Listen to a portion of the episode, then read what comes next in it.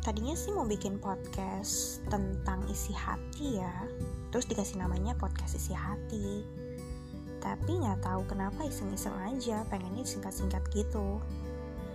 Entah kenapa kepikiran jadi cash sih. Nggak nyambung kan? Iya gue juga nggak ngerti kenapa. Terus podcast ini nyeritain tentang apa sih? Ya banyak sih. Cuman uh, ini bukan berarti gue curhat ya bisa jadi podcast isi hati ini pengalaman pribadi atau sebenarnya pengalaman orang-orang yang ada di lingkungan gue sendiri. Jadi kalau pengen tahu dengerin aja. Jadi ya udahlah ya.